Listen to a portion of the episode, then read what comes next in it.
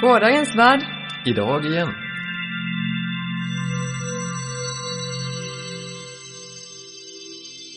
Jaha, då var vi tillbaka. Mer poddande. Ja, eh, det blir en kort säsong nu tror jag. För det är bättre att ha eh, en avrundad utgivningsplan än att bara tänka att vi ska nog göra någonting snart och så rinner det ut i sanden. Det blir så himla trist. Sånt har hänt förut. Ja, så nu är vi tillbaka med visioner. Eh, och eh, Ja, det blir... har pratat om att, eh, eller vi, vi har nämnt att vi skulle prata om House of Suns. Vi skjuter lite på det. Ja, det var någonting vi tydligen sa i förra avsnittet. Alastair Reynolds-romanen House of Suns. Det kommer inte i det här avsnittet. Mm. Däremot så, ja, vi kör väl. Vi kör väl tre avsnitt eh, på ganska kort tid, typ inom, inom en månad eller två. Mm. Och sen så kallar vi det för sommarsäsongen 2020. Ja, och eh, de som eh, längtar efter att återhöra oss sitta i sommarstudion får bli, eh, bli lite besvikna den här gången för det första som hörs kommer inte spelas in med fågelkutter i bakgrunden. N- nej, just det. Därför att vi har ju ett segment som vi spelade in för typ, jag vet inte vad kan det vara, ett och ett halvt år Länge sedan. sedan. Länge Låt oss sedan. säga länge sedan bara. Ehm, I denna tidlösa podd så finns det inga specifika datum. Nej. Men ehm, vi har suttit på det här materialet rätt länge kan man säga. Eh, någonting som i och för sig är tidsrelevant eh, på något vis. Eh, apokalypsen och undergången eh, i någon form. I någon form. Ja, vi har nämligen eh, bjudit in Mattias Lönnebo som är präst och eh, fantasyförfattare. Eh, som pratar med oss om Uppenbarelseboken. Som ju är eh, en rik källa eh, var ur det öst eh, diverse kulturuttryck genom århundradena. Ja, fast den eh, som också har övertolkats och omtolkats och, och mestadels tror jag många som refererar till den inte ens har läst den. Nej, antagligen inte. Som det brukar vara. Men eh, då, eh, då kör vi. kör vi.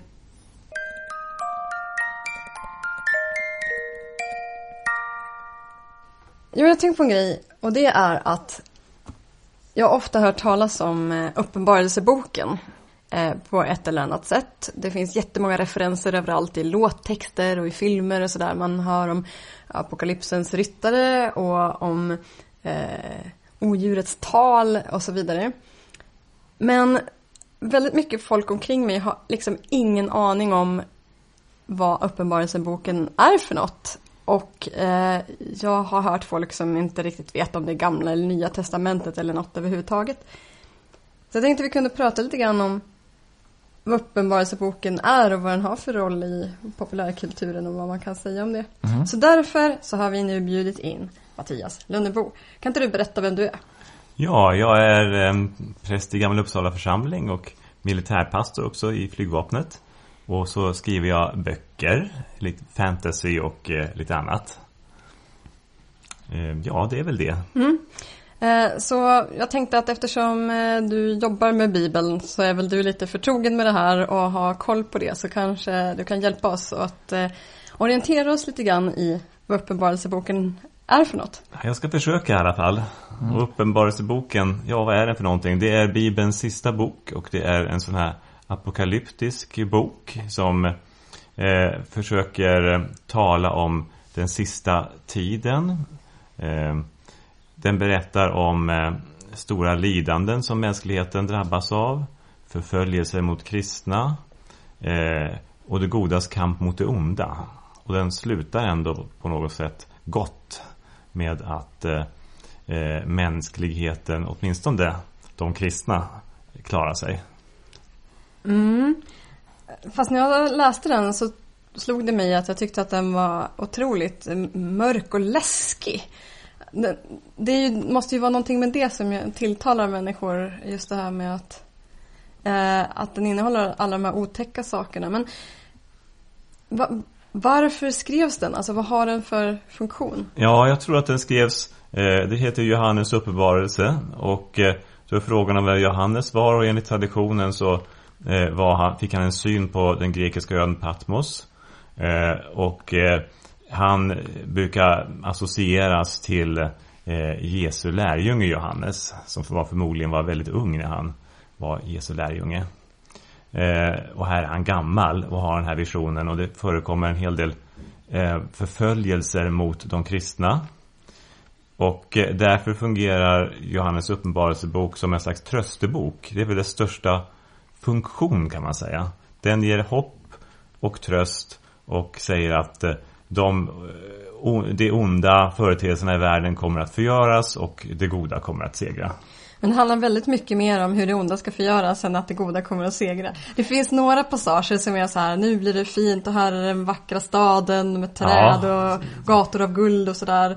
Det himmelska Jerusalem. Ja, men, um, men det mesta av det är ju rätt uh, lite obehagligt tycker jag. Eller? Man levde i en väldigt obehaglig värld och uh, kristna människor avrättades eh, och kunde massmördas på Colosseum och så vidare.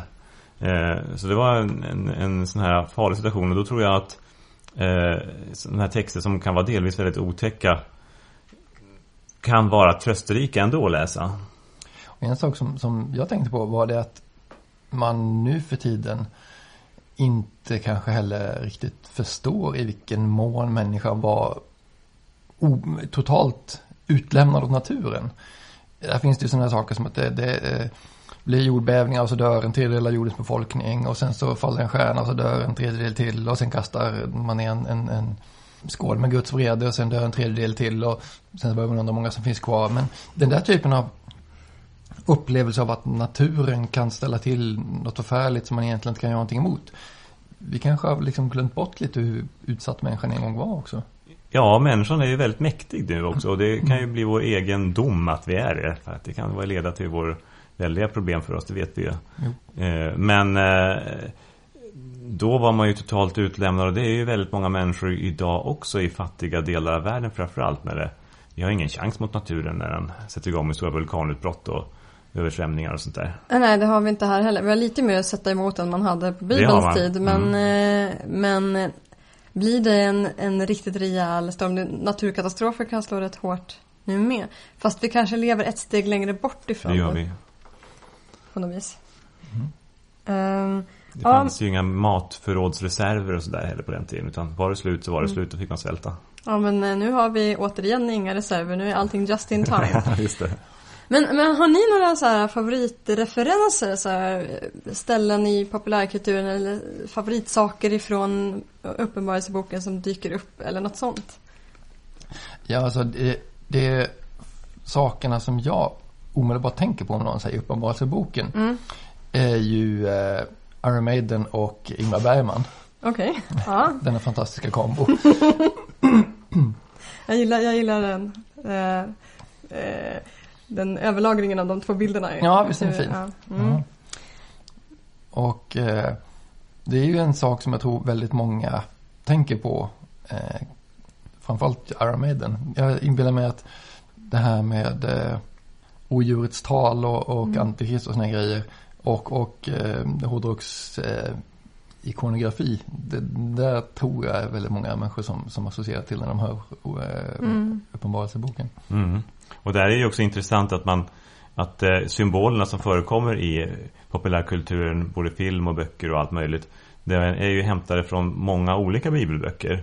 Eh, till exempel eh, vilddjurets tal finns ju då i eh, Uppenbarelseboken.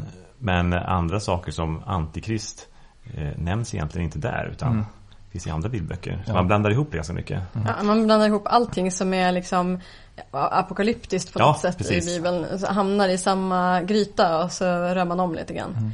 Men jag tror att alltihopa i, i vår västerländska kultur måste ju allting vara rätt så mycket silat genom Milton och så vidare. Alltså det förlorade paradiset heter det va? Mm. Paradise Lost. Mm. Eh, och lite andra sådana där tongivande senare verk som har gett ett till lager av tolkning emellan originalet och, och oss. Mm. Jo, väldigt mycket av, av eh, konst och litteratur genom århundradena har ju varit baserad på, på eh, Bibeln. Ja, oh ja. Och eh, bibliska berättelser och sådana saker. Så, eh, det är väl nästan omöjligt idag att göra någon form av kulturellt uttryck utan att på något vis vara i någon form av inte, kon- intertextuali- intertextualitet eh, med den historien. Liksom. Ja, om man inte har liksom grundläggande bibelkunskaper så förstår man egentligen inte vår kultur. Nej, Fast den, det är ju det som är det roliga tycker jag. Att eh, man har alla de här eh, små, små bitarna som flyter omkring i kulturen. Men man har liksom inte förankringen och vet inte riktigt vad det är för någonting. Nej, precis. Så min favoritgrej i alla fall, det tror jag är eh, ja, jag, jag blev lite förtjust i den här visionen av det himmelska, eller det här Jerusalem, nya Jerusalem med, eh, med gator av guld och portar av pärlor och så. Men, Mm. men förutom det så är nog min favoritgrej det här med just det här odjurets eller vilddjurets tal. Att, eh, att alla vet vad det är, alla vet att det är 666. Men att i den äldsta texten som är bevarad så är det inte 666 utan 616. Eh, det tycker jag är roligt. Mhm. Det är väl också ett exempel på det här Ma- man vet, men Man så vet. var det inte riktigt det man visste i alla fall. ja, jo, faktiskt. Fascinerande. Eh, en sak som jag tycker är kul när vi pratar om det här med rö- blanda och ge och röra ihop saker lite. Om nu det är så att Iron Maidens Number of the Beast är en av de mest kända referenserna till Uppenbarelseboken eh, så är det ju lite kul att tänka på var kommer den låten ifrån. Tydligen är det så att Steve Harris som skrev den här eh, låten han har berättat att vad han eh, gjorde att han, han, han, han eh, drömde en dröm. Som eh, lär ha varit eh, påverkad av att han sett filmen Omen. Aha. Och filmen Omen, den tar ju sitt, eh, sitt material från Uppenbarelseboken. Så i själva verket så är det, har det ju en liten cirkelrörelse här i influenserna, vilket är ganska tjusigt tycker jag. Ja men det är väl ungefär det jag pratade om innan. Det här Precis. med silas genom lager på precis. lager. Det är ett bra exempel på hur det funkar. Om jag minns rätt från eh, Omen så hittar de väl hans, det här att det, eh, det står 1666 i hans hårbotten tror Ja. jag. När de liksom kollar Precis, i hans det är lite hår. födelsemärke som ser Ja, ut som siffror där. Precis. Ja. Mm. Eh, eh, Ganska fånigt egentligen. Ja, faktiskt.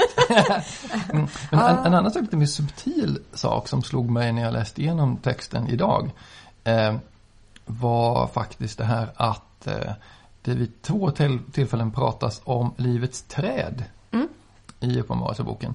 I eh, början när eh, eh, det är de här breven till de sju församlingarna, alltså brev, eh, församlingen Efesos. De har uppenbarligen eh, på något vis eh, mötts med Johannes gillande för där talar de om hur eh, de minsann ska få äta av frukten från livets träd. Mm.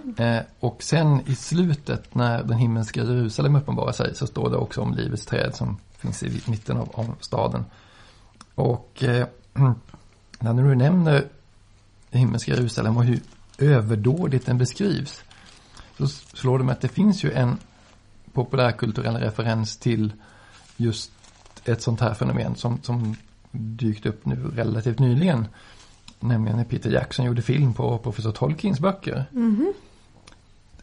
Första gången som Minas Tirith dyker upp i bild i de här filmerna så är det liksom en inzoomning på ett träd Just som det. står där. Mhm. Är det vita trädet eller? Det vita trädet ja. Ja, just det. Och jag har svårt att föreställa mig att Tolkien inte, Nej, det är inte säkert. tänkte på det här liksom. Han var ju väldigt eh, eh, from. Och, Ja, eh, han var ju medvetet eh, influerad av, av libyska teman och saker. I, och så det där är ju eh, givet en, en, en liten blinkning. Oh ja. Mm. Och eh, livets träd eller träd överhuvudtaget. är Allt ifrån eh, kunskapens träd på gott och ont Mm. i eh, paradisets lustgård och eh, fram till eh, vinstocken och grenarna som förekommer i Nya Testamentet i Jesu liknelser. Eh, så, och det var ju en helt agrar kultur också där alla förstod de symbolerna väldigt lätt. Jag vet inte ifall, ifall träd annars i största allmänhet dyker upp som symbolbärande på samma sätt som det här livets träd. Ja, det skulle möjligtvis vara då det här Vadå? Edens lustgård möjligtvis, men jag vet inte riktigt om det. Man tänker sig andra eh, religioner finns ju också träd. Ja, Träden är väldigt det är tydligt. en vanlig symbol där ju. Det är en väldigt Mm. vanlig symbol och den, eh, ja det finns ju mycket, om man bara tittar på träd så finns det liksom mycket symboliskt att hämta där. En, men en annan sak som jag tänkte, jag fick mig att tänka på, på Tolkien var faktiskt eh, i någon av de här, eh, vad ska man säga, plågorna som, som hälls ut över jorden i, när, när eh, det börjar bryta sigill och annat. Eh, är ju att en eh, Det här kommer Flod. låta som rappakalja för den som inte har läst det. Vadå bryta sigill och plågor? Ja, ska, vi, ska vi sammanfatta vad, vad den här texterna går ut på? Jag, jag kan ta det här till, till punkt först. Eh, en flod, jag tror det är ju för att eh, torkar ut och då öppnas eh, vägen för kungarna från östern, står det.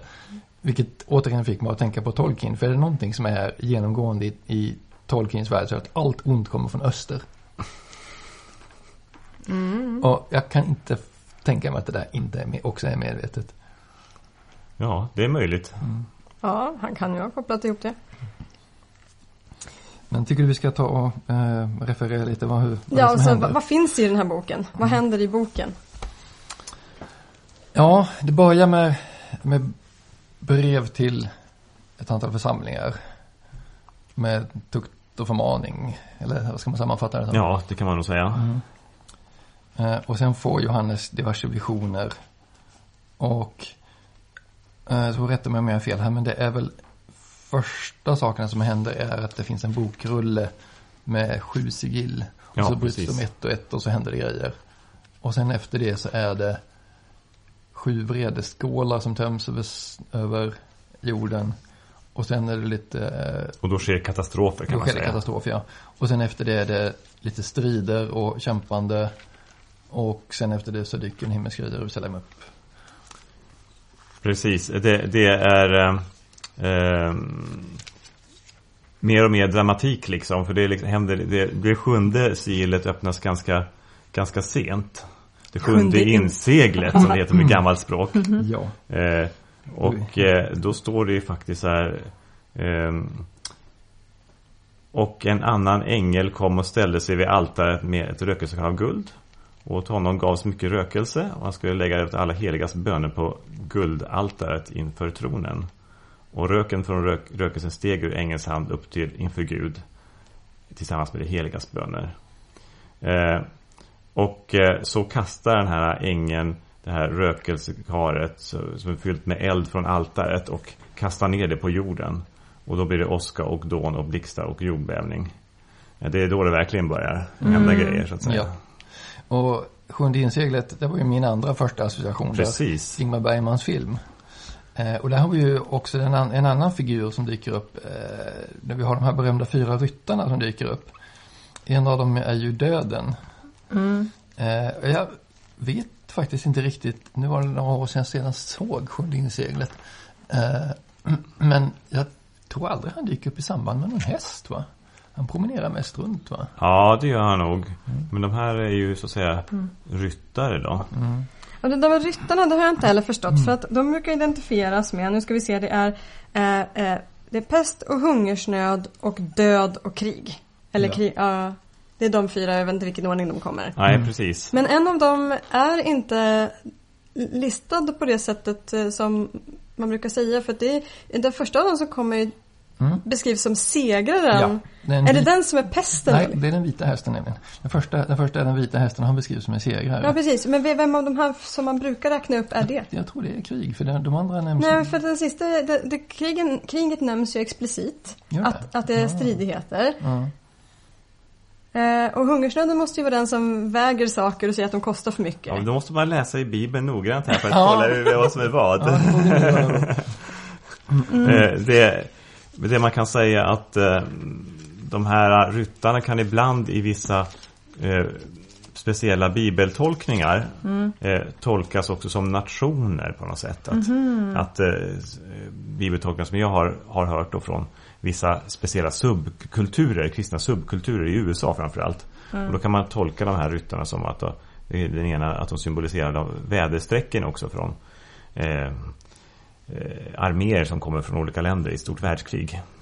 Ja, för det är ju faktiskt det första jag tänker på när jag hör ordet fyra. Mm. Och jag tänker med den här, den här kulturella kontexterna och man börjar prata om, om, om signifikans på, på siffror.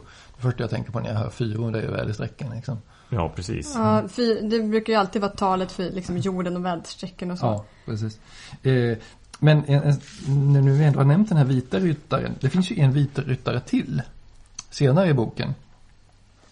Eh, och eh, då är det väl meningen att det ska föreställa Jesus på något vis. Ja, Eh, och det fick mig att, tänk, att tänka på en, eh, en, eh, en annan låttext.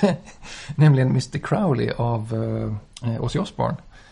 För där eh, sjunger han om, om eh, Mr Crowley och beskriver honom sittande på en vit häst. jaha. Ja. Vilket jag alltid har, har eh, funderat över vad, varför, rider, varför rider Mr Crowley in på en vit häst i Ozzy Osbournes eh, låt. Eh, jag läste en del om, om, om, om Mr Crowley. Jag vet sjutton om han, ja, vet sjutton om han kunde rida. Jag har aldrig hört honom nämnas i samband med hästar i alla fall. Så det, det känns ju som bilden nog är tagen från, snarare från Bibeln än från verkligheten. Ja. Mm. Precis, och, och eh, eh, det finns ju en, en mängd eh, eh, teorier, kan man försöka tolka de här symbolbilderna som är väldigt, de är väldigt öppna för vid tolkning kan man verkligen säga. Mm. Och det är väl det som försöker göra det här att den kan fungera som en, en eh, tröst för människor som är i en stark förföljelsesituation. Eh, vi har till exempel här ehm, och ett stort tecken syns på himlen. En kvinna klädd i solen och med månen under sina fötter. Och en krans av tolv stjärnor på sitt huvud.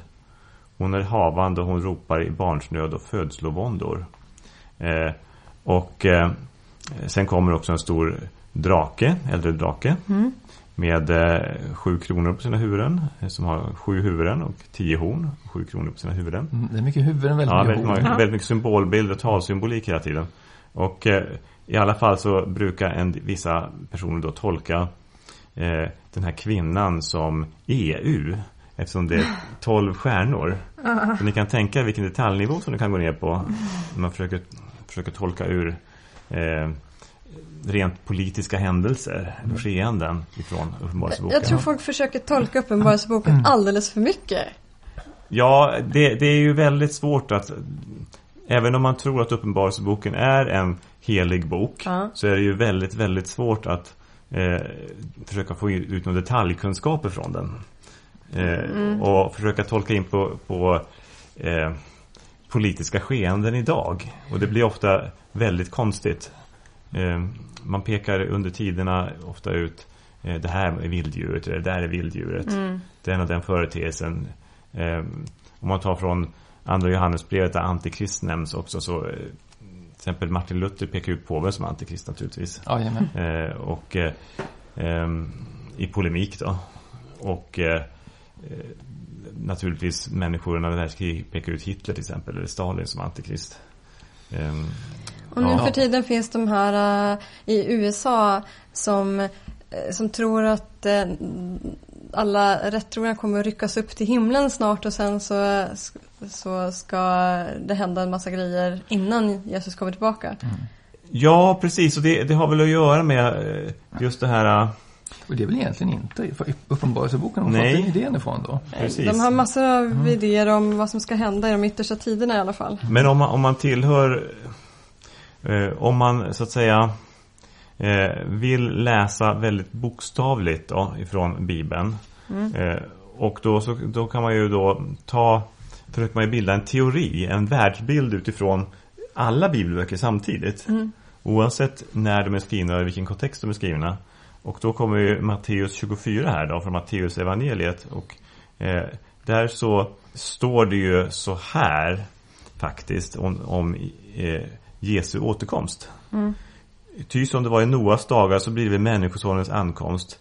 Eh, under tiden före floden åt man och drack, gifte sig och blev bortgift, ända till den dag Noa gick in i arken och ingen visste något förrän floden kom och förde bort alla. Så blir det också vid Människosonens ankomst. Då är två män ute på åken. Den ene tas med och den andra lämnas kvar. Två kvinnor är vid kvarnen och mal. Den ene tas med och den andra lämnas kvar. Håll er därför vakna, ty ingen vet vilken dag er Herre kommer. Eh, Och det är en eh, mycket eh, eh, intressant text. Eh, då, då, om, man, om man försöker så att säga eh, tolka det utifrån en sån här populärkulturell kontext. Mm.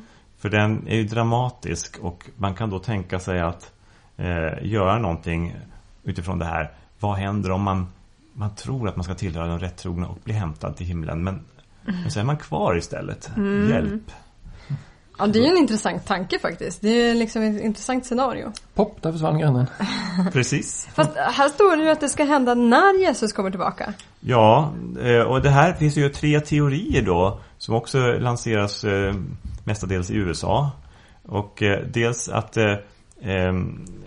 om man försöker tolka det tillsammans med Uppenbarelseboken då är det, de här stora lidanden som kommer också. Så att antingen så blir man bort upp, uppryckt innan eh, de här stora lidandena inträffar på jorden. Mm. Man bevaras från det helt enkelt. Eller också blir man uppryckt en liten bit in i lidandena. Eh, och eh, får själv utstå en hel del. Eller också blir man uppryckt efter lidandena.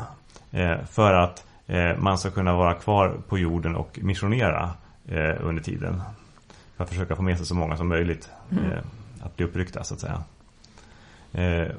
så att vad kan man säga, mer fundamentalistiska kristna försöker ju då eh, göra ett system av det här. Mm. För, för, att eh, tolka verkligheten efter.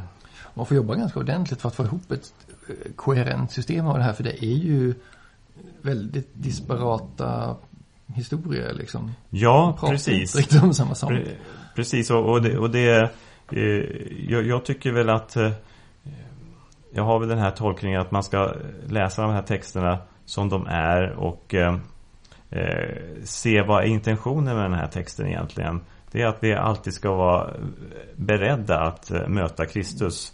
Och eh, det kan vara i evigheten eller det kan vara i vårt eget hjärta eller det kan vara i medmänniskorna. Ehm, att vi, vi, får liksom inte eh, skjuta bort det. Utan det är viktigt. Men, men att, att hålla på och försöka lägga en slags teorier om hur det ska se ut i i en framtid eller så. Det är meningslöst anser jag. Ja, för att de håller på med ganska mm. intressanta saker de där eh, riktigt fundamentalisterna. Att de håller på att försöka framkalla de yttersta tiderna genom att avla fram en vit ko och vad det nu är. Ja, och, och så kommer vi det här med, med Ska inte vara röd? Är, är den röd? Ja, det är i alla fall någon som inte ska ha någon fläck på sig. Det är en speciell typ av ko man måste ha Precis, fram. för den behövs när man ska återinviga templet, ja. Ja, och att, att man, man ser då också att staten Israels eh, bildande eh, det är då templet kan tänkas mm. byggas upp i framtiden. Och det finns ju då en del judar som verkligen vill bygga upp templet. Det finns ju en sån rörelse också. Mm. Eh, och så finns det då, de flesta har nog inte någon större lust med det. Eh, och, eh, och då passar det in liksom i den här tanken kring hur det ska vara i framtiden. Man försöker påskynda lite grann. Men har inte det här en, en beröringspunkt med varför folk är så fascinerade av ja, apokalyps, undergång överhuvudtaget? Va, ja. Vad är det som gör att man gillar det liksom? Ja, det är en bra fråga egentligen. Men eh, är man utsatt för ett stort lidande själv så, så kan det kännas skönt. Det, det är lika bra att det blir slut på den här eländiga världen, onda världen. Mm. Eh, och, att det, och att det kommer något gott istället. Mm. Jag, jag eh, ser ju ett seriöst eh, problem med eh, den här typen av idéer. Eh, för det gör ju att man ignorerar världens problem och inte tar tag i dem. För att man tror att allting blir bättre en annan gång. Eh, och jag vet Nietzsche hade ju det som en eh, en väldigt viktig beståndsdel i sin kristendomskritik. Det jag tycker han eh, träffar rätt nästan varenda skott han skjuter. Eh, och dessutom känns det väldigt, väldigt förmätet av, av en människa. Om man nu tror sig eh, vara eh, trogen eh, Guds vilja och sådär. Att på något vis frammana någon form av, av slutet på världen. För det, det kan man ju liksom inte ta sig för som människa. Liksom. Det tycker jag känns väldigt märkligt att man ens ska få den idén. Liksom. Men eh, jag, jag, tänker också att ehm, eh, en sak som jag har tänkt på nu när jag har pratat lite med människor online om eh, katastrofer. Det är att eh, det verkar finnas vissa typer av, av känslor och vissa typer av föreställningar om världen som gör att man vill kämpa och vill göra saker bättre. Och sen finns det vissa föreställningar om världen som du säger som leder till att man, man hellre tänker att det vore bra om det tog slut. Och eh, om man vill åstadkomma någon slags förändring och förbättring här så kan det vara ganska, ganska dåligt att inte kunna tänka sig att det går att åstadkomma någon förbättring här. Det där med liksom att se fram emot slutet, det tycker jag är lite läskigt. Jo, det, det, det kan bli till väldigt konstiga konsekvenser och eh, nu ska jag säga att de allra flesta kristna i världen har inte alls den inställningen. Utan försöker göra världen bättre och jobbar ju hela tiden med både miljöfrågor och att stötta människor i alla möjliga situationer. Medan jag har ju pratat om med, med människor som är jättebra sociala personer och som ställer upp för sina anhöriga och så vidare på ett jättebra sätt.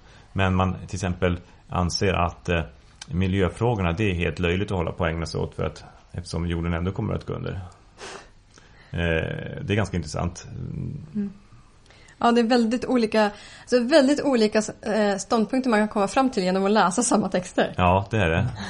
Det, är det. det, det som jag tycker är mest eh, fascinerande med den här typen av text är ju hur den med, med ett, ett språk som är liksom det, det sjuder liksom av, av symboler, eh, värdeladdning, eh, frenetisk hets kastade mm, sig mellan sammanhang till sammanhang med någon form av konstig drömlogik plötsligt frammanar hästar, altare och, och monster. Det finns liksom så mycket eh, intensitet i bilderna att eh, var och en nästan kräver att man liksom gör någonting med den för, för orden slår emot den på ett sånt sätt så att det omedelbart skapar någon form av så här ringa på vattnet. Och där kan man ju förstå hur en sån här text är fantastiskt fruktbar för konstnärligt skapande av olika slag. Man kan vilja göra en målning av det, man kan vilja göra en, en film oh, eller en ja. bok eller någonting. Just på grund av att ordens konstruktion och det, det, det liksom frenetiska explosion på något vis eh, gör det där väldigt naturligt. Men eh, det är kanske nästan så att de andrahandsprodukterna blir mer eh, säga, njutbara än originaltexten eh, som så att säga upplevelse. Eh, om man nu ska tänka sig liksom det här positivt, ja, negativt och upplyftande känner jag ibland i alla fall. Men, men kanske är det så att man tar de här slående bilderna som man får och sen så gör man, bakar man om det till något som man känner är relevant och anpassat till sin egen tillvaro. Och då känns det mera intressant för dig som lever i nutiden. Mm. Ja, jo, kanske var så. Och eh, dessutom, eh, det är inte alltid heller ett sånt här uttryck kanske får samma genomslag som eh, det var tänkt alla gånger men jag tycker ju till exempel att, att eh, bitvis är ju till exempel Det sjunde inseglet en hejdlös komedi till exempel. Ja. Vilket jag inte riktigt säker på att eh, Bergman avsåg. Även ifall han var en fantastisk eh, eh skapare av, komedier också. Så. Hade du någon, någon eh, tanke om det där med hur man stöper om bilderna? Ja, jag tycker ju de, alltså bilderna i Uppenbarelseboken och bilderna av den, av den eh, himmelska staden egentligen som är och, och, att det ska finnas ett ett fantastiskt himmelrike som beskrivs på ett omöjligt sätt i Uppenbarelseboken. Det, det är helt eh, omöjligt att föreställa sig den typen av, av stad och så vidare. Och det, det gör ju, och det, dess, det är meningen att det ska vara det också. För att Eh, det går inte att beskriva himmelrikets skönhet och därför beskrivs den på, på ett så märkligt sätt. Mm. Det är liksom det är liksom guld. meningen. Det är guld som samtidigt är glas. Ja, det är genomskinligt guld alltså. Ah. Mm. Mm, precis, det, det, det är ju jätteläckert. Och det är sånt som inte vi kan tänka oss. Och, och eh, den försöker beskriva något som är obeskrivligt. Och, eh, och det tycker jag är ganska härligt faktiskt. Det, det tycker jag att man kan se någonting positivt i. Mm. Det, det, kan man ta till sig som någonting positivt. Eh, och sen så tycker jag att det är väldigt jobbigt om man bara tar, målar upp de här otäcka scenerna över världens eh, undergång. Eh, och har det som en, en slags litteratur som man försöker återvända till hela tiden. Det är inte speciellt uppbyggligt faktiskt. Mm, nej. Och det är väl kanske egentligen mitt största problem med Uppenbarelseboken. Nu har vi fått alla dessa fantastiska kulturella uttryck på grund av den genom århundraden. Men jag undrar om att vår värld hade varit bättre av att den aldrig kanoniserats. Lite för mycket knäppjökar bygger hela sin värld på saker och ting som ärligt talat inte var menat att läsas på det viset. Det, det är väl nästan så med alla texter nästan. Det, det, det, är klart att den här är ju väldigt speciell alltså. Ja, det, jag känner att den har ett speciellt att den har, den har den, den kan verkligen misstolkas och användas på ett väldigt märkligt sätt. Mm. Eh, och, och, det finns väl ett stort ansvar för kyrkoledare och predikanter att inte använda den för att skrämma människor med till exempel. Eh, utan att eh, man får försöka hitta andemeningen i texten. Och samtidigt så kan den finnas där som en slags eh, referensram med alla sina Ja, det kan det göra. knasigheter. Ja. Har vi någon och, eh, Ja, och eh, gav den oss eh, eh något fantastisk eh, sak som eh, ett album som eh, Number of the Beast så må det väl vara hänt. Ingen kommentar. Ehm, jag vet inte om man ska nämna bara ett antal filmer som, och böcker som har, har ja, skrivit visst. om det. Vill du göra en lista? Ja, vi har väl några stycken här och det är bland annat Left Behind som handlar just om uppryckandet. Mm. Eh, och eh, den är väldigt kontroversiell faktiskt serie, men det har skrivit mycket om den. Eh, och eh, så har vi eh, Rosemary's Baby som handlar om eh, Antikrist som föds till världen. Det är en film från, ja, i början på 70-talet någon gång. Kanske slutet av 60-talet till och med. Mm. 70-talet ja. kanske, ja. Och så Omen-filmerna som också handlar om den yttersta tiden. Och så har vi den här gamla stumfilmen Metropolis. Mm. Som är späckad av symboler från Uppenbarelseboken. Bland annat. Mm. Alltså jag läste Wikipedia, det finns en Wikipedia-sida som handlar om referenser i populärkulturen till de fyra ryttarna. Gör Ja, och Oj. där stod det, blev jag påmind om, eh, att London Molari i Babylon 5 Aha. en gång eh, refererar till sina fruar som han inte tycks mycket om. Aha. Som eh, pest, hungersnöd och död. Oj, ja. Jaha. Eh, de påpekar att ja, då blir det ju krig över till honom själv. Mm. Mm. Ja, just det, så passande. Eh, faktum är att den mesta eh, film jag sett eh, baserad på det här materialet tror jag faktiskt är den filmen som heter The Prophecy i USA. Och God's Army tror jag den heter i Europa. Okej, okay, den har jag inte sett faktiskt. Eh, som faktiskt eh, där Christopher Walken eh, promenerar runt som, som Gabriel och eh, mördar som bara en ängel kan. Eh, och eh, skräckrockaren eh, och eh, metal-ikonen Glenn Danzig dyker upp som en av de fallna änglarna och eh, rusar in i en gränd och klubbar ner någon, om det är Gabriel eller någon annan. En, en annan film, eller filmserie kan man säga, filmsvit som har ganska mycket influenser ifrån uppenbarelseboken är ju Terminator. Onekligen. Visst. Mm. Där är det väl så att säga att eh, teknologin på något sätt mm. blir ett slags avgud. Ja, men det finns också, eh, om man tittar i berättelsen, eh, tydliga paralleller. Mm. Plus att ja, det finns lite hästar som brinner och så.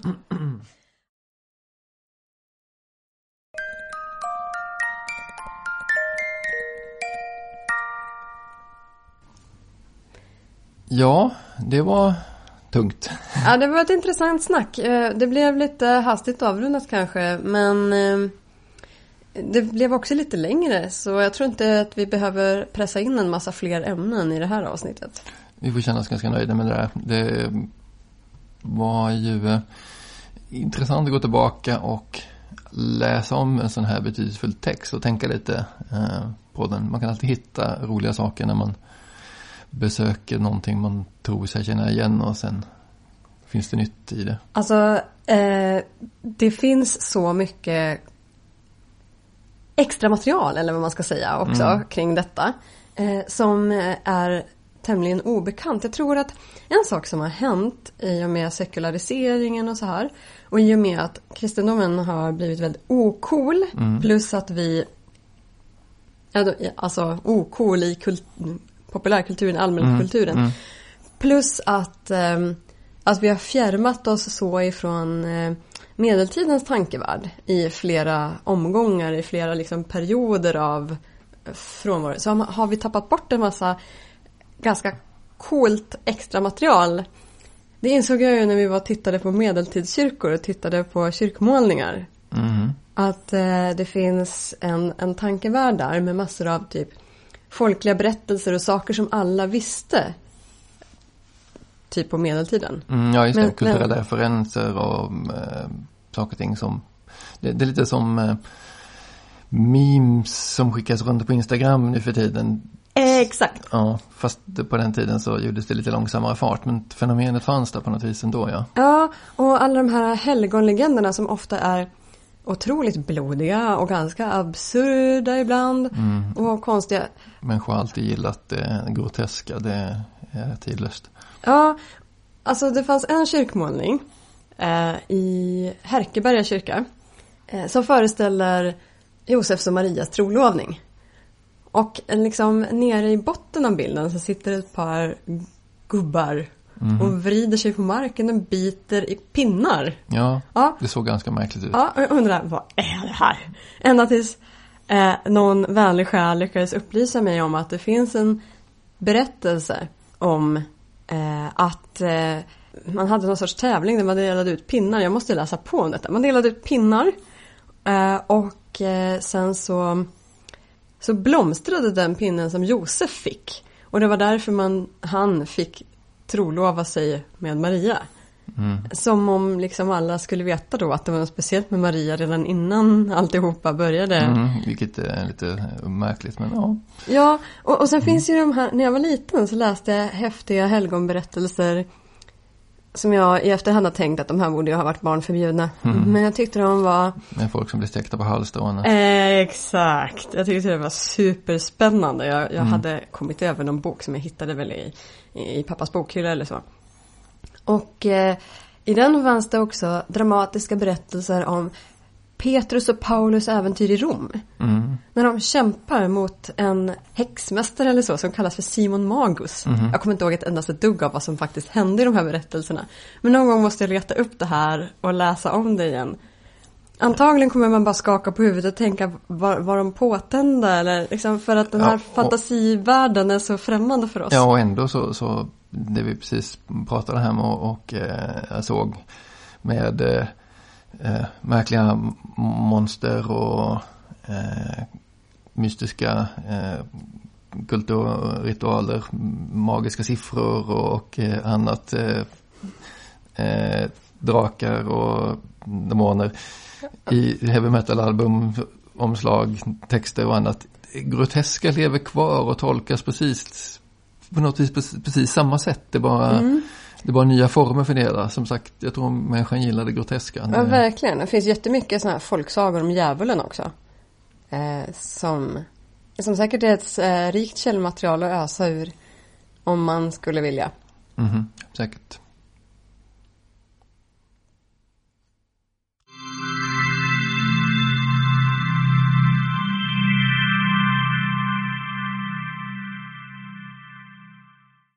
Du har just lyssnat på avsnitt 39 av Gårdagens värld idag igen.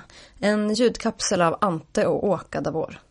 Om du är en av våra gamla lyssnare från förr så minns du säkert rutinen men jag kan passa på att påminna om att alla våra tidigare avsnitt finns på anjen.wordpress.com under kategorin Gårdagens värld idag igen. Och där finns också information om vår Creative Commons-licens som talar om att du gärna får kopiera det här avsnittet, klippa saker ur det, sprida det, använda det. Bara du talar om att det är vi som har gjort det från början. Vi hörs snart igen i två avsnitt till innan vi avrundar den här korta sommarsäsongen.